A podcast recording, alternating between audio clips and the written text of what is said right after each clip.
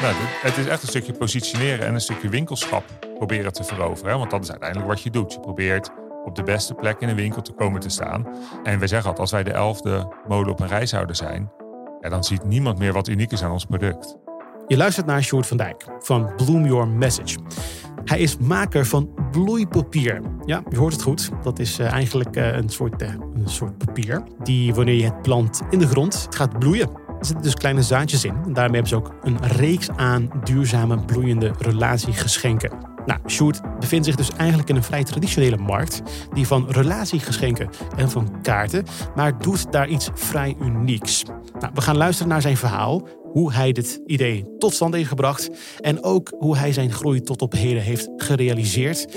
En uh, ik kan je vertellen, het is zeer inspirerend en er zitten zeker ook ondernemerslessen in. Dit is Op Weg naar 20 miljoen, de e-commerce podcast van Framework, waarin je leert de juiste e-commerce beslissingen te nemen in jouw online groei. Uh, Sjoerd, welkom in de studio. Dankjewel. We gaan het vandaag uh, hebben over eigenlijk het stukje differentiëren binnen een, uh, binnen een industrie, binnen een welbekende industrie. om gelijk met de deur in huis te vallen, hoe differentiëren jullie? Wat, hebben, wat, wat doen jullie anders dan de ander? We zijn een volledig duurzaam bedrijf, een zero-waste kaartenbedrijf, zo moet je het eigenlijk zien. Ehm, we drukken zelf ons papier en het unieke van het papier is dat je het niet bij het oud papier of in de prullenbak gooit, maar dat je het in de aarde stopt, water geeft en er bloemen voor terugkrijgt. Ja. Het gros uh, van wat we maken zijn uh, duurzame, uh, of is duurzaam papier waar ook echt verantwoorde zaden uitkomen. Dus we dragen bij aan de biodiversiteit, bij en vlindervriendelijk, enkel Nederlandse zaden. Um, dus je stuurt niet alleen een kaartje toe, je stuurt echt een bloemetje over de post. Wat ik wel leuk vind, ik had eigenlijk verwacht dat Short eerst zou roepen: wij verkopen bloeikaarten. Of nou, iets in zeg maar het, het idee dat de cadeaus of dat het, product iets plantbaars is. Maar je begon met duurzaamheid. Ja, dat is belangrijk. Dus, Oké, dus dat, dat staat op nummer één. En eigenlijk het product is een soort van gevolg uit jullie missie om, om, om duurzaam uh, te ondernemen. Ja, eigenlijk wel. We, we hebben allemaal, of in ieder geval, ik heb een hele duurzame achtergrond. Uh, ik heb een bedrijf met twee, uh, twee vrienden, dus we zijn met z'n drie eigenaar. De ene is organisatorisch super sterk, de andere is grafisch ontwerper. En het is echt wel ontstaan met het idee van wij gaan die kaartenwereld vergroenen. En we gaan laten zien dat je een eerlijke boterham kan verdienen. Ja op een groene manier. En, en, we gaan het natuurlijk hebben over uitbundig over hoe jullie het doen, wat jullie precies doen. Uh, en wat is dan de industrie waarin jullie je uh, differentiëren, zeg maar, waar jullie vaak in worden genoemd, alhoewel je dat wellicht zelf misschien niet helemaal wil? Uh, de kaartenindustrie, hè? Ka kaartenboeren, kerstpakketboeren. Wij noemen heel veel mensen boeren. Ehm, dus ja, dat is wel relatiegeschenken. Daar vallen natuurlijk ook onder. Terwijl we eigenlijk natuurlijk gewoon een hele overal een vreemde eend in de bijt zijn. Ja, ja, ga je Thomas, uh, misschien even naar jou. Want uh, jij, jij zei van, hey, ik heb een fantastisch nieuwe gast in de, voor, de, voor de podcast. Ja. Short, moeten met hem praten. Hij heeft een product. Waarom ben je zo enthousiast? En, en wat wil je eigenlijk vooral uh, in, dit, in deze podcast aflevering belichten? Nou, wat ik, wat ik gewoon heel erg interessant vind en dat we hopelijk ook vandaag uh, gaan bespreken met elkaar, is het feit van, joh, weet je, in een relatief traditionele markt, we noemen het net al, wenskaartenmarkt, zo zag ik hem in eerste instantie, maar op basis van de voorbereiding de gesprekken ligt het, is het echt wel veel breder. Dacht ik van, dit is wel echt een heel tof concept. Iets wat in principe gewoon traditioneel opsturen is van een kaartje, is iets nu wat eigenlijk duurzaam wordt gemaakt. Duurzaam wordt gemaakt in de vorm van, ja, uh, weet je, je gebruikt het, maar je kan het uiteindelijk ook nog met een extra bestemming bestempelen. En dat vond ik heel erg tof. Dus toen dacht ik, ik ga, ik ga eens eventjes eh, benaderen om te kijken of hij zijn verhaal zou, uh, zou willen doen. En dan gaat het met name natuurlijk over van, oké, okay, hoe, uh, uh, hoe zet je eigenlijk een, een, een, een, een ja, ik, ik zie het echt als een merk in de markt. Uh, die wordt gezien als een kaart, als een wenskaart, denk ik in de, in de ogen van heel veel uh, consumenten.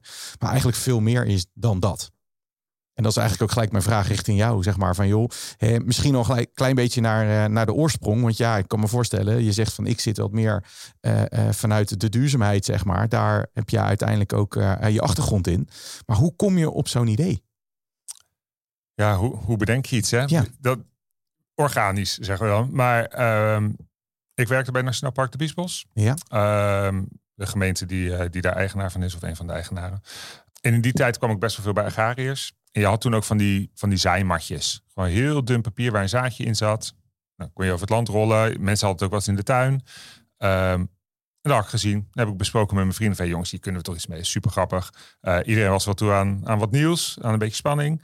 Um, en toen uh, Querien, mijn collega, uh, die heeft vier ontwerpen gemaakt. Zijn we op Katendrecht uh, gaan staan op een marktje. Ehm, en daar kwamen twee winkels die zeiden, oh, dat is superleuk, dat wil ik wel in mijn winkel verkopen. En toen hebben we onze eerste 40 kaarten verkocht, zijn we het eten gegaan. Dachten naar, naar de Kamer van Koophandel, moesten we BTW-nummer op. En toen hadden we een bedrijf. Ja, juist. Um, en maar je wist eigenlijk al vanaf dag één dat het wel iets met kaarten moest zijn. Want kijk, je, je, je hebt een product wat je zegt van ja, dan kan je het daarmee. Dan zou je nog zoveel andere ideeën kunnen, kunnen bedenken. Maar je, je kiest ervoor om een kaart. Ja, dat, het was niet eens echt een hele bewuste keus. Het is echt gewoon, dit kwam in ons op. Ja. Eigenlijk zo simpel was het. We hebben helemaal niet doorgedacht waar we er nog meer mee konden. We waren toen ook nog helemaal niet gefocust op het zakelijk drukwerk. Dus het was niet dat we dachten van, ah, we worden een drukkerij of we gaan die kant op. Nee, het was echt gericht op die retail van, nou, we gaan iets doen met kaarten. Maar helemaal niet bedacht dat we zo groot zouden worden of dat we uh, het, was gewoon spielerij. Ja. Maar. Juist. Hey, en als je nu ook kijkt hè, naar uh, de, de, de markt aan zich. Waren jullie de, de eerste met, uh, met dit concept, zeg maar. Want ik heb even zitten googlen als ter voorbereiding op deze podcast. Zie ik dat er inderdaad meerdere partijen zijn die iets doen met groeipapier, noemen ze het dan. Mhm. En uh, nou ja, in allerlei vormen die je maar kan hebben. De een heeft wel een webshop, de ander niet. Jullie, hè, daar komen we zo dadelijk ook nog wel eventjes op, op terug. Welke keuze jullie daarin hebben gemaakt. Maar zijn jullie echt die pionier die dus zeg maar gekopieerd is? Of zeggen jullie van nou nee, er waren wel al concepten in, uh, in deze hoedanigheid? Nou, voor Nederland waren wij echt wel de pionier in dit, uh, in dit verhaal. Ja, en zeker op de manier qua kwaliteit, qua uh, samenstelling, qua gebruik, qua verhaal. Ja, is, is, er ook op dit moment nog niemand die ons even naar op die manier. Je ziet online inderdaad wel wat spelers. Er zijn ook wat spelers voor wie wij ja. de kaarten maken. Ja, zeg maar. Dus wij doen ook heel veel dingen onder een andere naam. Ja, juist. Um, en er zijn enkele die het uh, uit Azië halen. Maar dat is voor ons geen concurrentie. Het is een heel ander product. Weet je, dat is. Uh, spreek zeker geen kwaad over concurrentie, moet je helemaal niet doen. En als jij iets gewoon in een potje doet en je zet in je vensterbank en er komen leuke fleurige bloemen uit, is het een hartstikke tof product. Ja. Um, maar het is wel iets totaal anders dan een duurzaam product waar bijdraagt aan de biodiversiteit. Um, en daar zit het grote verschil. En dat merk je dat de, de klanten die voor ons kiezen, die kiezen er bewust voor om, uh, om iets te doen iets, iets groens of iets verantwoords. Of die denken na over hoe ze inkopen. Dus dat maakt het gewoon tot een ander product. En daarom liggen we ook niet bij hele goedkope winkels of iets dergelijks. Dat, dat kunnen we ook helemaal niet. Want als je goede producten maakt, daar zit liefde, tijd, kwaliteit in. Ja, en daar hangt een ander prijskaartje aan. Juist. En, en hoe, hoe snel waren jullie, je, je hebt zeg maar de, de term product market fit. Hè, dan het, het moment waarin je ziet van, jongens, het gaat werken. Dit is gewoon een businessmodel. Had je dat na die eerste, eerste 40 kaarten? Nee, nee. Wanneer, wanneer gebeurde dat? Nou, wel redelijk snel. Ehm, ik zit heel even na te denken wat er eerst kwam. Nou, volgens mij kwam eerst duurzame cadeauwinkels waar. Dus een soort broertje, zusje van de wereldwinkels. Ja. Die kwamen best wel snel. En die hadden wel al iets van twaalf winkels of zo. Dus dat, dat tikte wel aan. En toen we daar lagen, kwam er een hele grote natuurorganisatie. Die zei van, doe maar voor al onze bezoekerscentra een collectie. En toen dachten we, Hmm, gewoon ja zeggen, we zien het wel. Maar ja, dat was voor ons wel echt een grote boost. Dat we dachten, oké, weet je, als zij het durven inkomen en we zitten nu gelijk aan bij zo'n grote partij om de tafel, ja, dan kunnen we, dan kunnen we meer. En toen zijn we eigenlijk redelijk snel dus beurzen gaan draaien. Daar komen we straks misschien op. Uh, ja, en dat heeft vervolgens echt het vliegwiel, vliegwiel gegenereerd om uh, aan de slag te gaan. En daaruit komt dan vervolgens weer heel de, heel de zakelijke markt, wat we dan nu nou, misschien wel voor 70% doen. Ja, we gaan straks inderdaad komen op eh, het stukje e-commerce, groei, uh, marketing. Uh, maar nog daarvoor even terug op een stukje duurzaamheid. Want ik ga een stukje lezen van jullie website. Een heel, heel manifest. Wij doen geen concessie op het gebied van duurzaamheid. Zo werken wij enkel met Nederlandse zaden die bij- en vlindervriendelijk zijn. Ik wist niet dat dat termen waren. Bij- en vlindervriendelijk wordt het water van de papierproductie hergebruikt. Ik weet niet wat dat betekent. Dus blijkbaar is er, is er water bij papierproductie. Zijn al onze verpakkingen recyclebaar en wordt CO2 uh, eh, gecompenseerd. Oké, de laatste zin. Niet alleen onze producten zijn verantwoord, maar de gehele bedrijfsvoering is hierop ingericht. We hebben het vaak over duurzaamheid, Thomas, in deze podcast. Uh, en dan komt het neer op inderdaad weer dat je kan aanklikken, compenseer mijn CO2. Of, uh, nou goed, kleine tactische zaken. ja, die toch even een goed gevoel geven aan de consument van, joh, is, we doen iets aan, aan duurzaamheid. Maar als jij zegt, de gehele bedrijfsvoering is hierop ingericht. Waar moeten we aan denken? Gaat heel breed. Duurzaamheid is sowieso uh, niet alleen maar natuur of milieu. Dat vind ik sowieso. Duurzaamheid is een balans tussen uh, profit, people, planet. Dus het gaat ook om je personeel bijvoorbeeld. Dus het gaat om mm. gezamenlijk en gezond lunchen. Het gaat erom dat je je personeel de ruimte geeft tot ontwikkeling. Mm. Ehm, Het gaat erom dat je inderdaad, nou, bijvoorbeeld dit zo'n doosje wat hier voor je ligt. Wij willen graag een doosje kaart op de markt brengen. Maar er is gewoon geen doosje te vinden met een venster waar geen plasticje voor zit. het gaat om allemaal dat soort denkwijzen. Je denkt, ah jeetje, moeten we dus gewoon, nou, en je kan niet duizend dozen laten maken. Je hebt bestandsmest, et cetera. Ja, dan kan je nou de producten in de markt zetten. Dus zijn we verplicht om maar misschien wel 25, 50.000 te laten maken. Dus moeten wij in onze productie nadenken. Oké, en wat gaan we er allemaal met die doosjes doen? Want ik verkoop niet 50.000 doosjes met kerstkaarten. zou ik wel willen, maar uh, daar zijn we nog niet. Dus het gaat eigenlijk in heel het proces, denken wij constant na.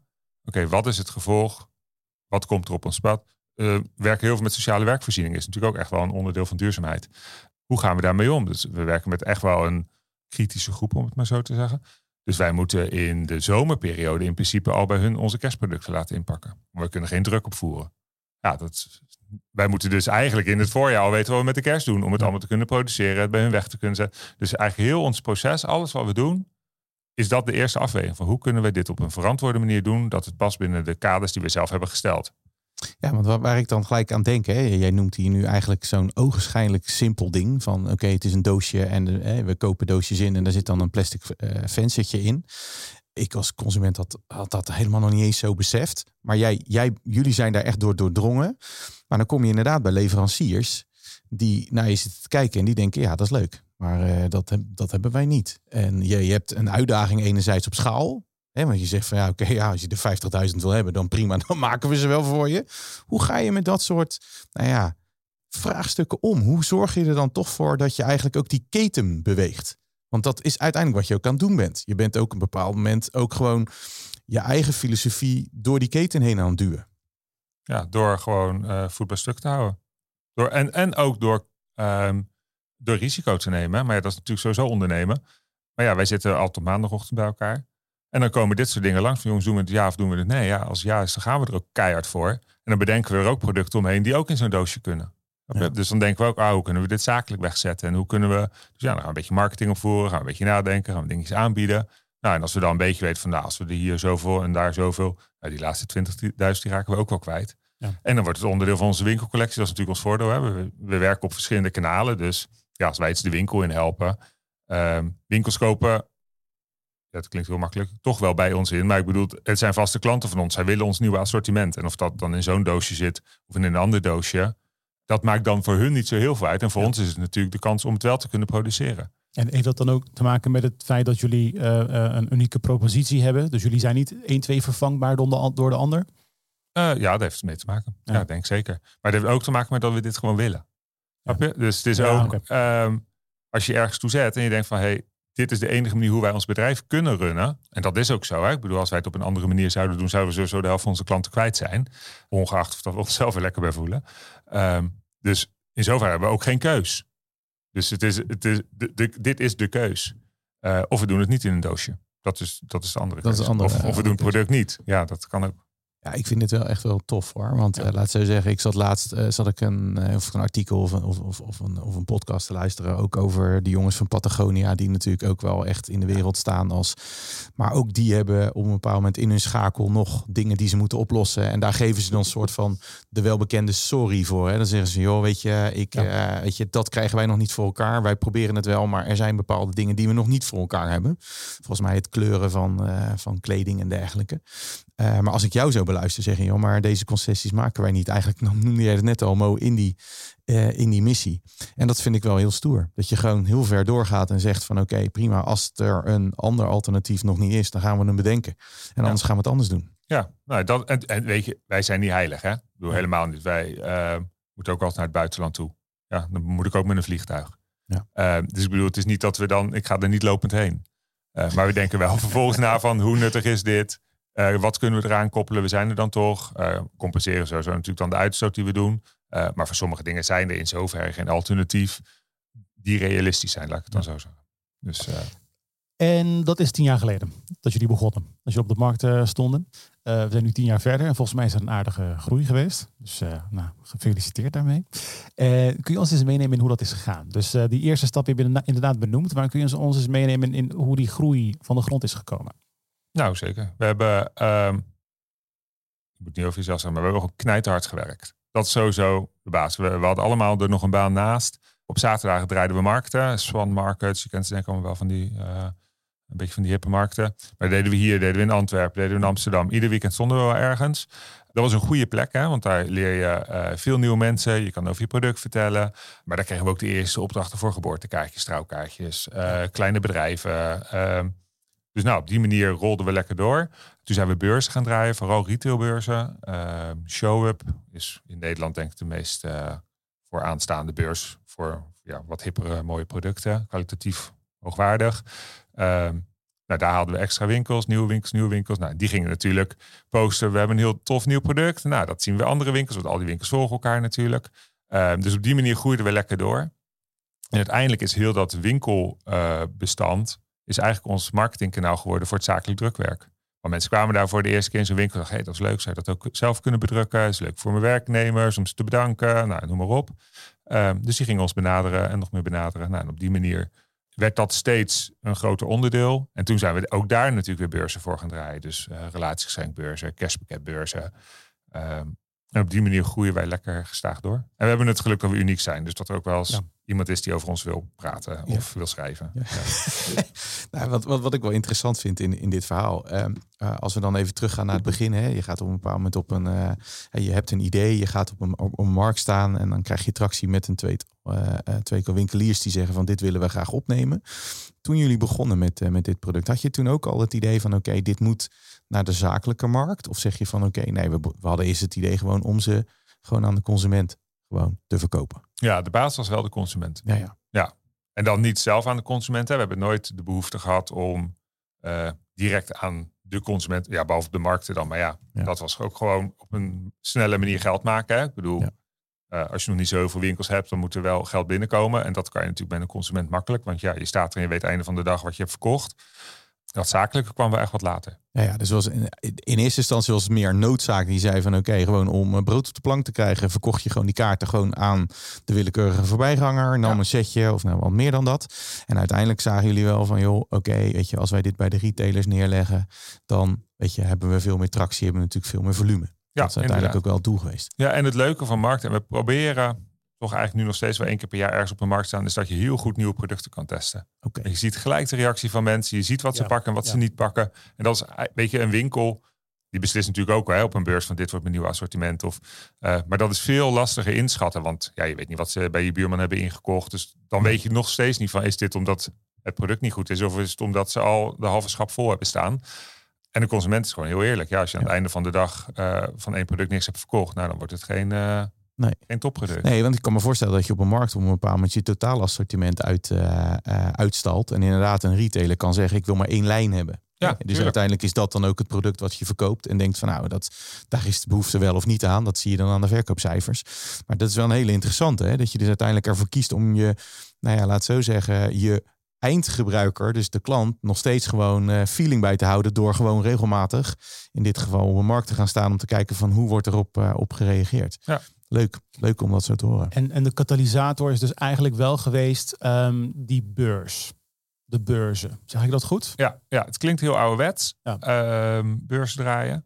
En het is echt niet altijd leuk. Ik bedoel, er zijn ook echt wel beurzen dat je drie dagen in een donkere hal staat. Dat je denkt, jeetje, wat doe ik hier?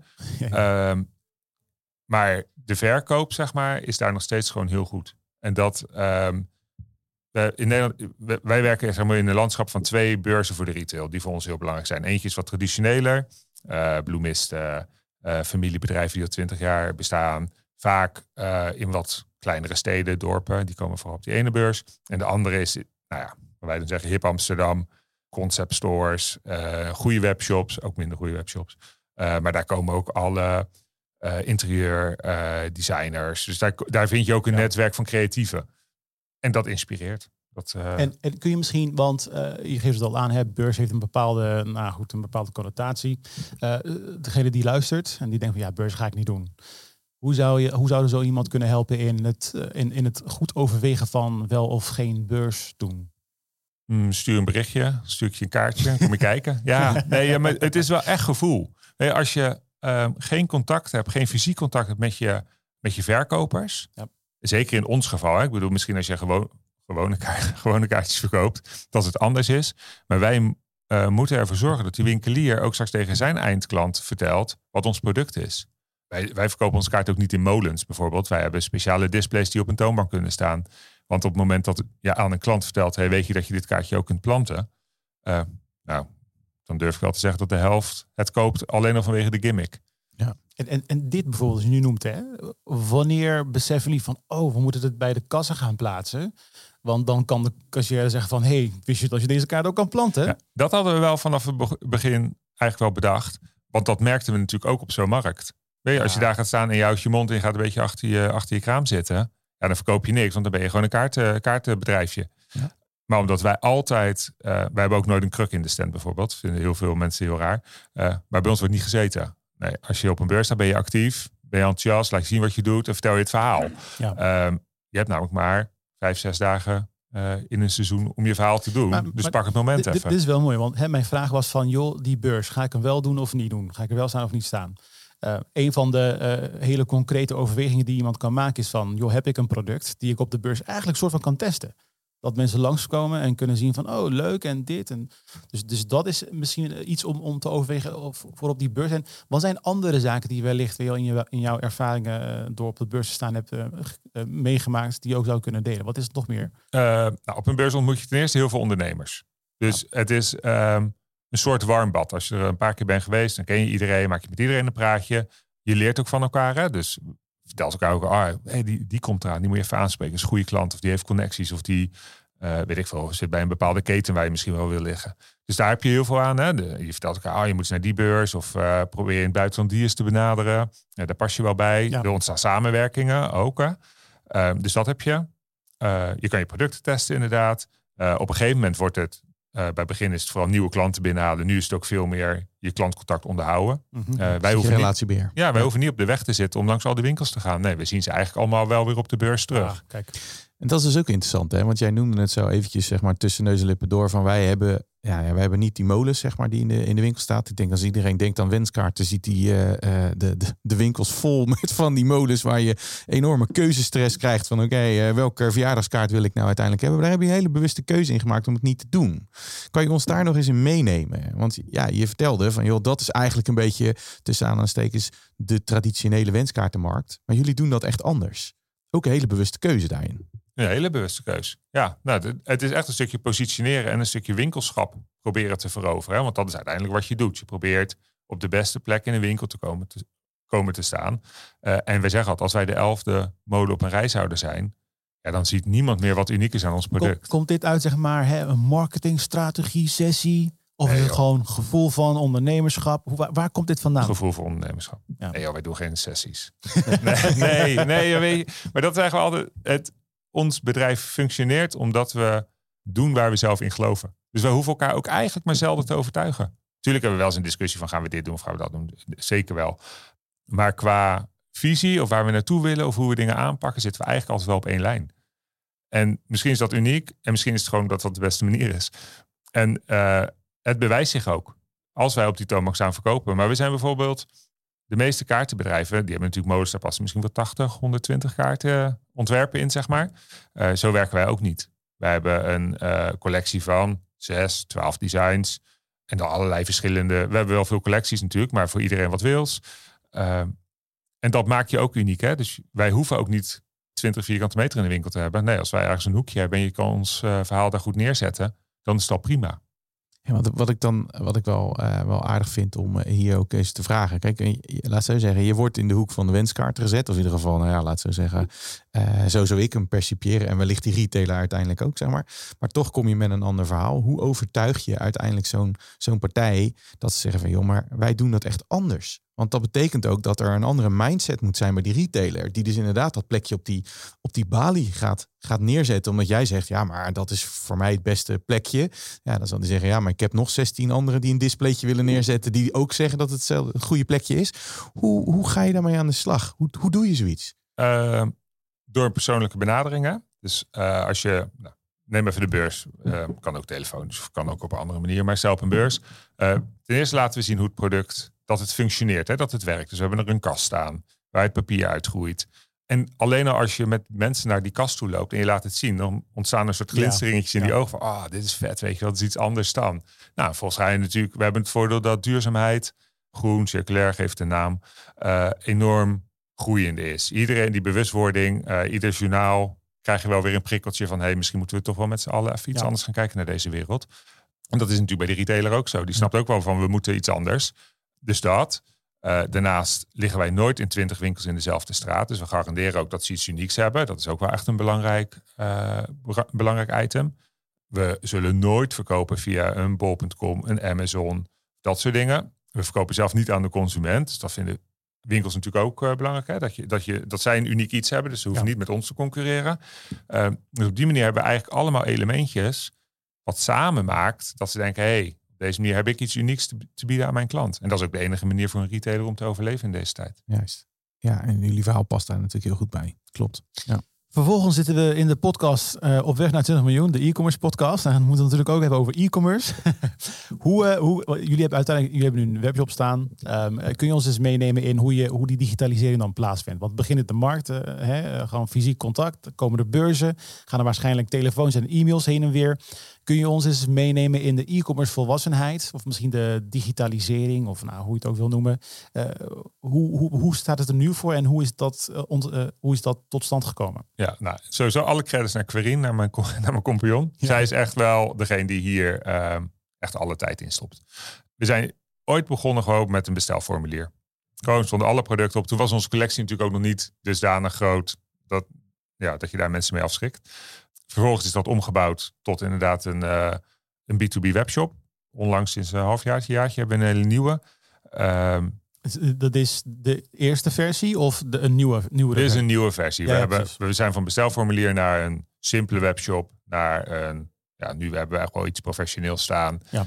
Um, want dat is ook wat de klant natuurlijk steeds meer verwacht. Ik bedoel, de, je kan niet alleen nog maar je, een foto van je product en de inkoopprijs. Ik bedoel, er moet uh, beeldmateriaal te vinden zijn voor op hun webshops, uh, voor hun uh, social media. Er moeten verhalen, uitleg, wat voor. Heel het verhaal moet ook terug te vinden zijn tegenwoordig in een webshop, of in ieder geval in ons geval wel. Want dat is ook wat, hun, wat het product voor hun uniek maakt om het in de markt te zetten. Dus sinds een jaar hebben we nu echt iets staan waarvan we echt zeggen van nou oké, okay, dit, dit klopt, dit, dit is goed, dit is strak, goed op thema. voorheen was gewoon een hele lange lijst. Dan moest je gewoon doorscrollen. En op een gegeven moment, op een gegeven moment kwam je wel die kaart tegen die je wilde hebben, zeg maar. en nu kan je heel netjes doorbladeren. En weet je precies bovenaan kan je al vinden van oké, weet je, ik ben meer geïnteresseerd in kerstkaart. Ik ben meer geïnteresseerd in, uh, in, in de groente- en kruidencollectie. Ik noem maar iets. Ben, ben, ik wel benieuwd naar, naar, want je geeft aan een half, sinds een half jaar staat er een nieuwe webshop. Hoe hebben jullie dat traject aangevlogen? Als in jullie zien wat jullie, jullie weten wat jullie willen doen in termen van dienstverlening of uh, hoe jullie uh, de klant willen bedienen. Jullie zien wat de klant nodig heeft, wat hij vraagt. En dan gaan jullie zeggen: Oké, jongens, we gaan een nieuwe webshop bouwen. Hoe doe je dat dan? Zeg maar, inventariseer je, hoe, hoe bepaal je wat er allemaal in moet komen en, en hoe dat uiteindelijk vorm moet krijgen? Hoe heb je dat gedaan? Uh, Kijk, voor ons is natuurlijk, die webshop is echt alleen maar gericht op het retail deel sowieso. Hè? Ja. Dus bij ons is, ja, de basis natuurlijk, wat moet erin? Ja, dat is onze collectie. En wat, wat belangrijk is, het moet makkelijk uh, aanvulbaar zijn. Kijk, we halen weinig collectie uit onze collectie, maar we voegen natuurlijk wel telkens nieuwe producten toe. We hebben, ja, duizend en één ideeën. Dus dat moet makkelijk, efficiënt, snel uh, uh, doorgevoerd kunnen worden. Dus dat is natuurlijk de basis. Ja. onze producten. volgens ga je natuurlijk een beetje rondkijken. Hè? Wat, hoe doen anderen het? Uh, wat is makkelijk? Ga je een beetje met je klanten praten. Wat vond je van ons vorige bestelsite? Wat, wat zou je erin terug willen? Hè? Want uiteindelijk, zij moeten er iets mee doen. Zij moeten denken, dit is makkelijk, ik bestel even snel. Alles wat moeilijk is, doet een klant in principe niet. Hè? En we hebben nog steeds ja. klanten hoor. Wij werken heel, werken heel veel wereldwinkels. Nou, dat is over het algemeen veel vrijwilligers die zo'n wereldwinkel draaien. Je hebt hele professionele, maar je hebt ook best wel... Uh, uh, wat minder professionele. Ja, welke woorden? Hoe ga ik dit netjes zeggen? Juist. Ja, weet je, die, die kunnen we drie keer een wachtwoord sturen. Um, maar uiteindelijk gaan ze gewoon bellen en zeggen ze ik wil vijf van die kaarten, tien ja, van die kaarten. Ja, weet je. Ook. Tuurlijk, weet je. Uiteindelijk, wij zijn blij met iedere klant die ons product verkoopt. Ja. Um, maar we proberen ze natuurlijk wel richting die webshop te krijgen. Want ja, dat is wel een stuk efficiënter. Wel tussendoor. Hè. Ik vind het leuk dat je zegt van tuurlijk kan hij zomaar kan hij, kan hij bellen om wat te bestellen. Want kijk, het kan ook zo zijn dat je een webshop wilt optuigen vanuit het idee van jongens, we gaan, we moeten efficiënter werken. Het moet rustiger hier zijn op de zaak. Mensen moeten gewoon bestellen. Gewoon het formulier gebruiken. Nee, niet meer bellen. Maar ik zie wel bij jullie dat jullie heel duidelijk, uh, nou goed, hè, dat die, die missie hebben van we willen gewoon een heel mooi product hebben. En ook gewoon zoals de klant wil bestellen en kopen, ze moeten het doen zoals hij willen doen. Als het maar duurzaam, duurzaam is. Ja, de klant is echt koning. Ik geloof daar echt heilig in. Van die klant, uh, je mag zo blij zijn als een klant jou in de winkel legt. En je hoeft hem niet te pamperen. Ik bedoel, we zijn ook gewoon uh, zakelijk. En we onderhandelen echt niet op alles. Maar als het een beetje schappelijk is, ja, waarom zou ik moeilijk doen? Ja. Maar dat, dat is sowieso in heel het bedrijf. Ja, waarom zou je zo vaak moeilijk doen? Vaak is ja makkelijker dan nee hoor. Dus nou, dat is een beetje. Dit, dit, dit, kan een hele mooie controversiële discussie worden. Maar wat, wat denk jij hierover, Thomas? Nou, nee, nee ik, ik, zit met iets anders in mijn hoofd. Dat ik denk van, joh, weet je, je enerzijds uh, je richt je op, op, op retail, weet je, en dat is echt echte markt waarvan jullie zeggen, die willen wij, uh, nou ja, wat je noemde misschien al zelfs pamperen, zeg maar. En het eerste waar toen ik op een bepaald moment naar jullie omgeving keek, toen dacht ik, maar waar is die niet zozeer B2C uh, omgeving, maar bijvoorbeeld wel die B2B omgeving voor bedrijven zoals wij. Waarbij onze office manager aan het einde van de dag denkt, ik heb, uh, ik, uh, ik heb de opdracht gekregen om een heel tof kaartje te laten, laten maken. En dan kom ik op jullie website en dan word ik eigenlijk of naar een retailer of nou ja, naar een relatiegeschenkenpartij bijvoorbeeld gebracht. Want dat zou ik me kunnen voorstellen dat je op een bepaald moment toch ook een een, zeg maar, een kanaal creëert waarin je zegt van joh, wij bieden ook gewoon die mogelijkheid naar die zakelijke markt, die, nou ja, die direct bij mij kan bestellen. Is dat ook een bewuste keuze dat je dat nog niet zo prominent hebt uh, uh, geactiveerd? Of zeg je van nou, dat gaat nog komen? Of... Nou, daar zijn, nee, daar zijn we zeker wel mee bezig.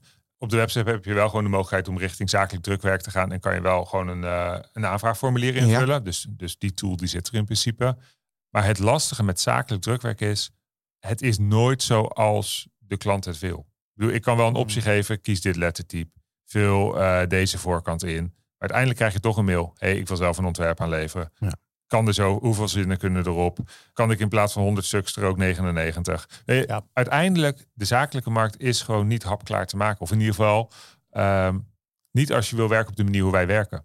Bij ons moet het gewoon top of the bill zijn. Dus als een klant iets bestelt, moet het 100% goed zijn. Ik ben niet een of andere uh, online drukker waar je een bestandje naartoe stuurt. En wij drukken maar en we zien dat het ons niet boeit hoe het eruit ziet.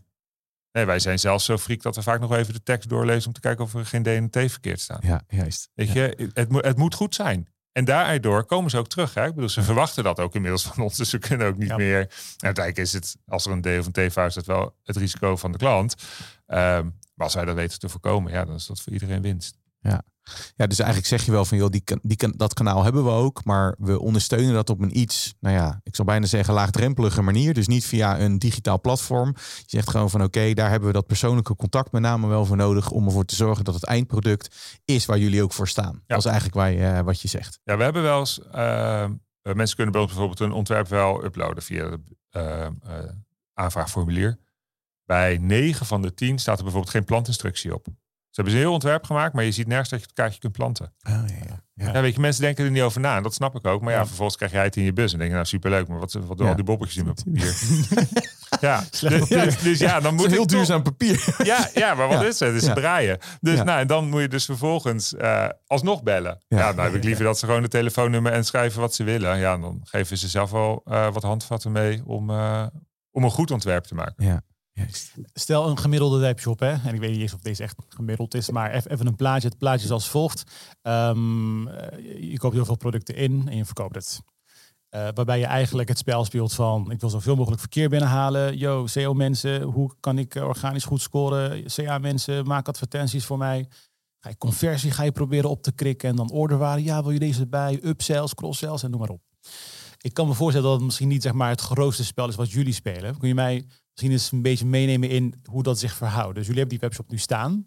En wat, hoe, wat, wat voor een aandacht krijgt die webshop ten opzichte van misschien andere zaken die uiteindelijk die omzet genereren uh, binnen jullie bedrijf? Nou, de uh, webshop is wel echt ondersteunend aan onze klant, zeg maar. Dus het heeft geen doel om mensen mee binnen te halen. Want je komt überhaupt die webshop niet op als je geen inlog hebt, et cetera. Dus het moet vooral efficiënt, makkelijk voor de klant zijn die we al hebben. Maar het levert nooit een nieuwe klant op. Ja. Dus het is echt gewoon een, uh, ja, gewoon een praktische tool. Zo moet je hem eigenlijk zien. En de klanten krijgen we via andere kanalen. Dus en wat, wat, wat zou de afwezigheid van die webshop betekenen voor, voor jullie bedrijf? Nee, zo'n die webshop kunnen we niet. Nee, die, die tijd is wel echt voorbij. Kijk, we hebben zoveel uh, producten, zoveel, bijvoorbeeld zo'n kerstcollectie, ja, die staat natuurlijk maar een paar maanden op. Um, dus veel klanten die op die webshop komen, die gaan ook even checken wat de nieuwe producten zijn. Ja, als we ze telkens een nieuwsbrief zouden moeten sturen, ja, moeten ze een, vervolgens een briefje gaan sturen van ik wil deze kaart en die kaart. Nee, zo. Ja.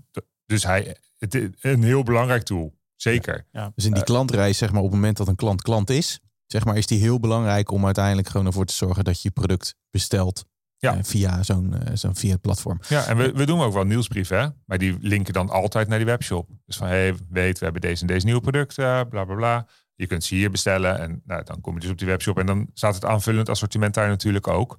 Uh, dus nee, heel die gastenreis, zeg maar, of klantenreis, ja, dat heb je wel uh, op die webshop.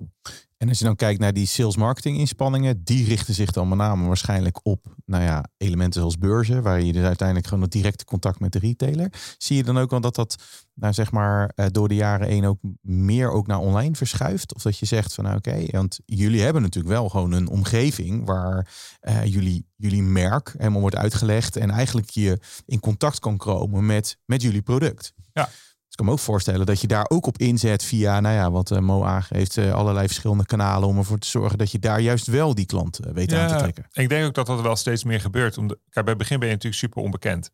Dus ja, weet je, als niemand je kent, wordt er ook nooit over je gepraat. Ook niet online. Dus we merken nu wel steeds meer dat, of omdat andere mensen over je posten, of omdat ze je via, via een zoekmachine vinden, op die manier op je webshop komen of op je website komen en op die manier contact opnemen uh, en gewoon een inlog aanvragen. Dus dat krijgen we wel steeds meer. Voorheen had je, inderdaad kreeg je af en toe een mailtje van, hey, leuk product, mogen we het verkopen? Ja, nu hebben we dat wel, wel dagelijks. Ja. En, en misschien, uh, ik wil een vraag stellen, kom straks. Wat is de vervolgstap? Wat, gaan jullie, wat willen jullie hierna gaan doen? Thomas noemde net al, hè, uh, gaan jullie het ook mogelijk maken voor een framework om te zoeken en oh leuk en ik wil wat bestellen.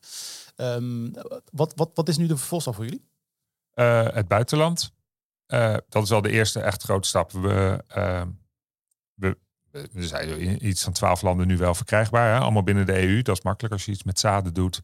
Werk je het liefst binnen de EU.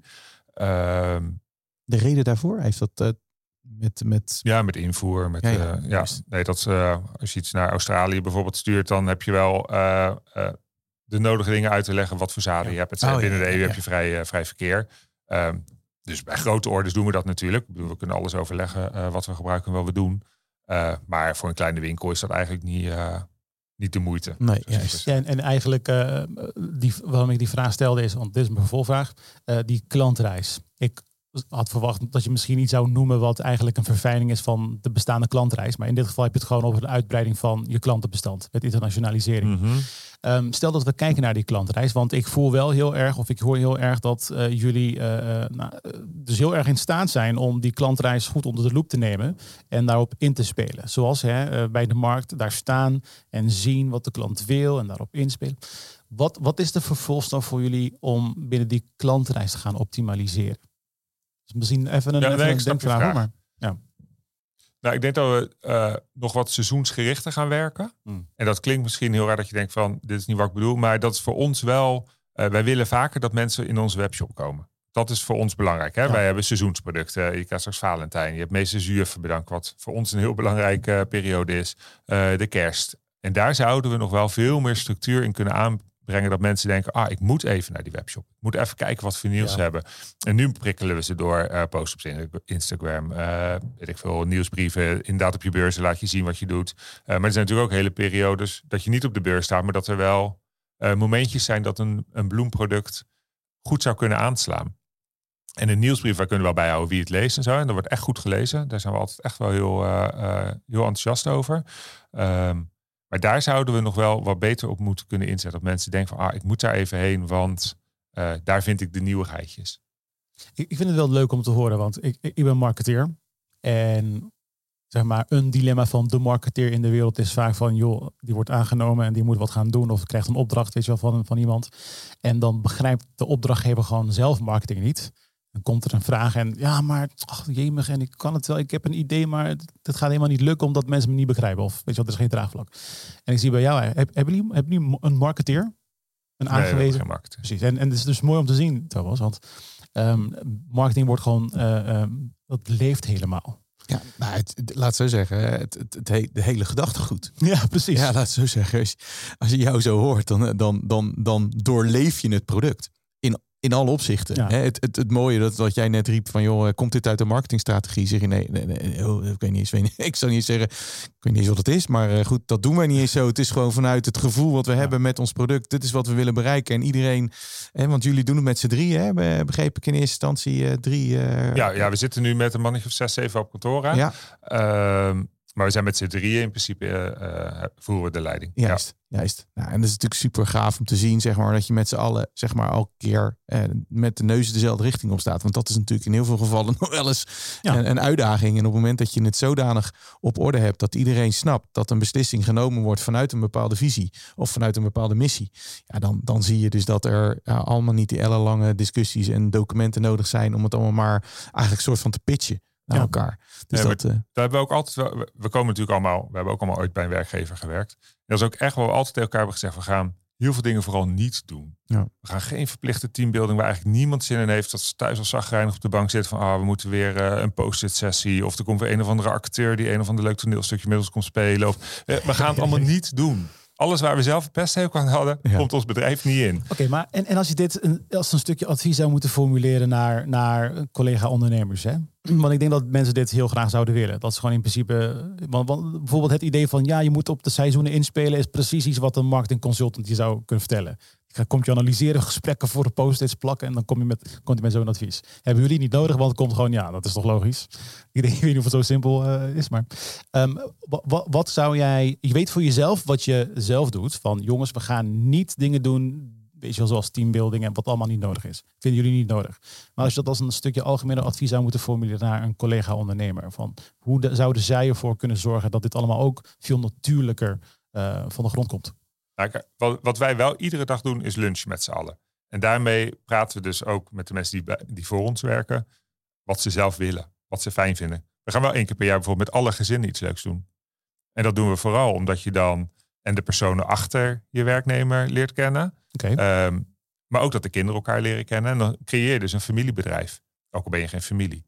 Maar dat gevoel zorgt wel voor begrip. Weet je, als er iemand een keer een half uur later binnenkomt. Ja, ik ga geen uren bijhouden. Daar heb ik helemaal geen zin in. Maar dan snap je het wel. Ten eerste omdat je weet, ah, die heeft een kind, die weet ik veel. Die heeft even lastig op school. Of die is ziek. Of die heeft een, eh, een vader die slecht ligt. Of nou, noem het maar op. En daarmee creëer je veel meer begrip. Uh, en hoef je dus heel veel dingen helemaal niet. Wij hebben nooit uh, nijd op de werkvloer. En, dat, en niet omdat ik denk dat ik het niet zie, maar omdat ik echt serieus ervan overtuigd ben dat, dat ik het anders zou weten. Want als er iemand bij ons wel zagrijnig binnenkomt, die geeft ook gewoon aan, hey, ik ben echt super zagrijnig. Kind was uh, drie uur vannacht thuis en laat me even. Ja. Nou, weet je, ga lekker je ding doen. En, en jij stelt dus um, dat er correlatie is tussen het logischerwijs bedenken, jongens, we gaan op seizoenen inspelen. Enerzijds en anderzijds een uitje met de gezinnen van iedereen.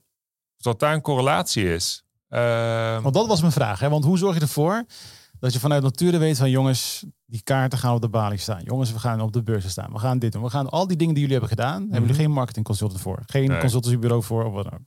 Komt allemaal gewoon uit jullie eigen koker. Nou, um, kunnen we twee scenario's schetsen. Eén is jullie zijn de slimste, meest getalenteerde mensen ter wereld. Dus dat is allemaal heel natuurlijk. Dat, zo, dat, kan sowieso, ja. ja. of, of anderzijds, um, um, dezelfde als, als jullie, als, als men uh, het uh, DNA volgt van jullie bedrijf en zelf probeert toe te passen, maar ook echt, zou zij ook tot dergelijke resultaten kunnen komen. Ja, dat denk ik wel, ja. Precies. En wat is dat DNA dan? Is dat, want ik vind het wel leuk, hè? want ik denk dat daar wel misschien een correlatie tussen kan, kan zitten.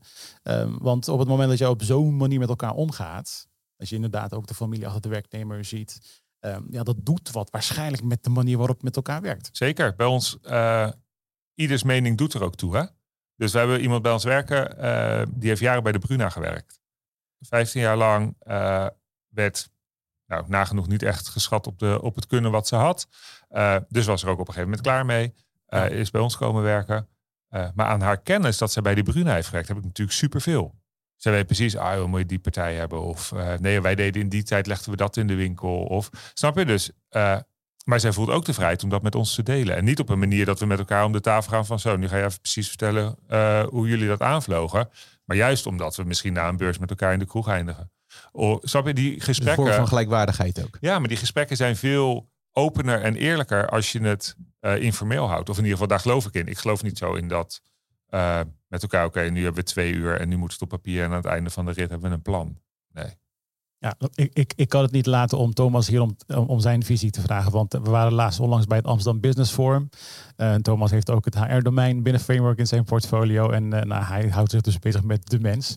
En, uh, en toen op dat, op, op dat event, kennis-event, Thomas, hebben we natuurlijk een hele lange sessie gevolgd over hoe je bedrijfscultuur kan inrichten zodanig dat je gewoon enorme resultaten kunt behalen met, met je bedrijf. Was het voorbeeld van Netflix. Maar als jij dit zo hoort, hè, wat, wat vind jij hiervan? Wat, wat, wat, wat maak jij hiervan?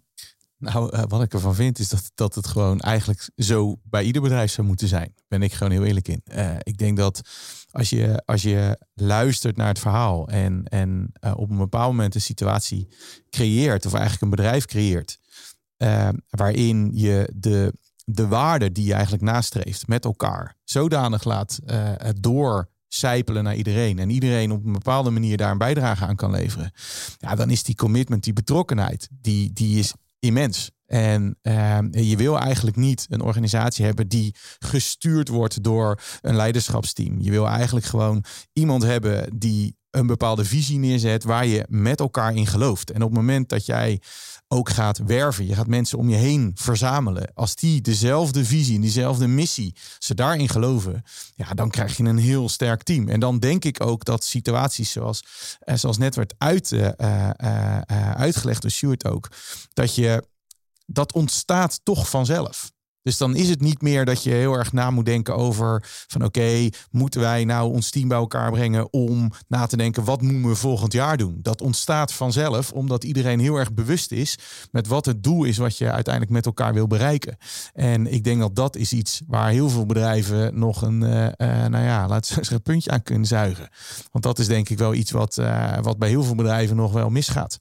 Maar het is ook vooral leuk voor jezelf, hè? Absoluut. wij hebben altijd gezegd, wij willen geen baan, maar een leven. Zeg maar, dat, een beetje die gedachte. Uh, dus ik heb ook helemaal geen zin om uh, me over uh, allerlei ondingen druk te maken. Ja. En ik wil ook, als mijn kind ziek is en ze bellen, dat ik zelf ook kan gaan zonder dat ze denken, ah, hij is de baas, hij kan lekker weg. Ja. Nee, want zij kunnen ook weg als hun kind ziek is. Dus het wordt ook veel meer, het wordt allemaal logischer als je je personeel hetzelfde behandelt als dat je zelf ook te werk gaat. En dat maakt het eigenlijk heel ontspannen. Want dan heb je dus ook heel veel, of je loopt heel veel gedoe mis. Nou, en uiteindelijk ben ik er ook van overtuigd, als wij een beurs draaien, we hebben echt wel beursdagen die bijvoorbeeld tot tien uur s'avonds zijn. En dat je echt de laatste drie uur denkt, wat doe ik hier? Maar er zal niemand zijn die zegt, ik ga weg. Ja, en niet omdat ze van mij daar moeten blijven. Nou, het is wel fijn als je wel blijft trouwens. Uh, maar ook, weet je, die discussies voeren niet. Want iedereen vindt het leuk om onderdeel te zijn van het bloemteam. En uh, ook dit zijn onderwerpen die uh, uh, je tegenkomt op weg naar 20 miljoen. Sjoerd, wij gaan jou bedanken voor je tijd en we gaan over naar de lunch. Dit was Op weg naar 20 miljoen. De podcast die je helpt betere beslissingen te nemen in jouw online groei. Ga voor meer afleveringen naar je favoriete podcast-app. En vergeet je niet te abonneren.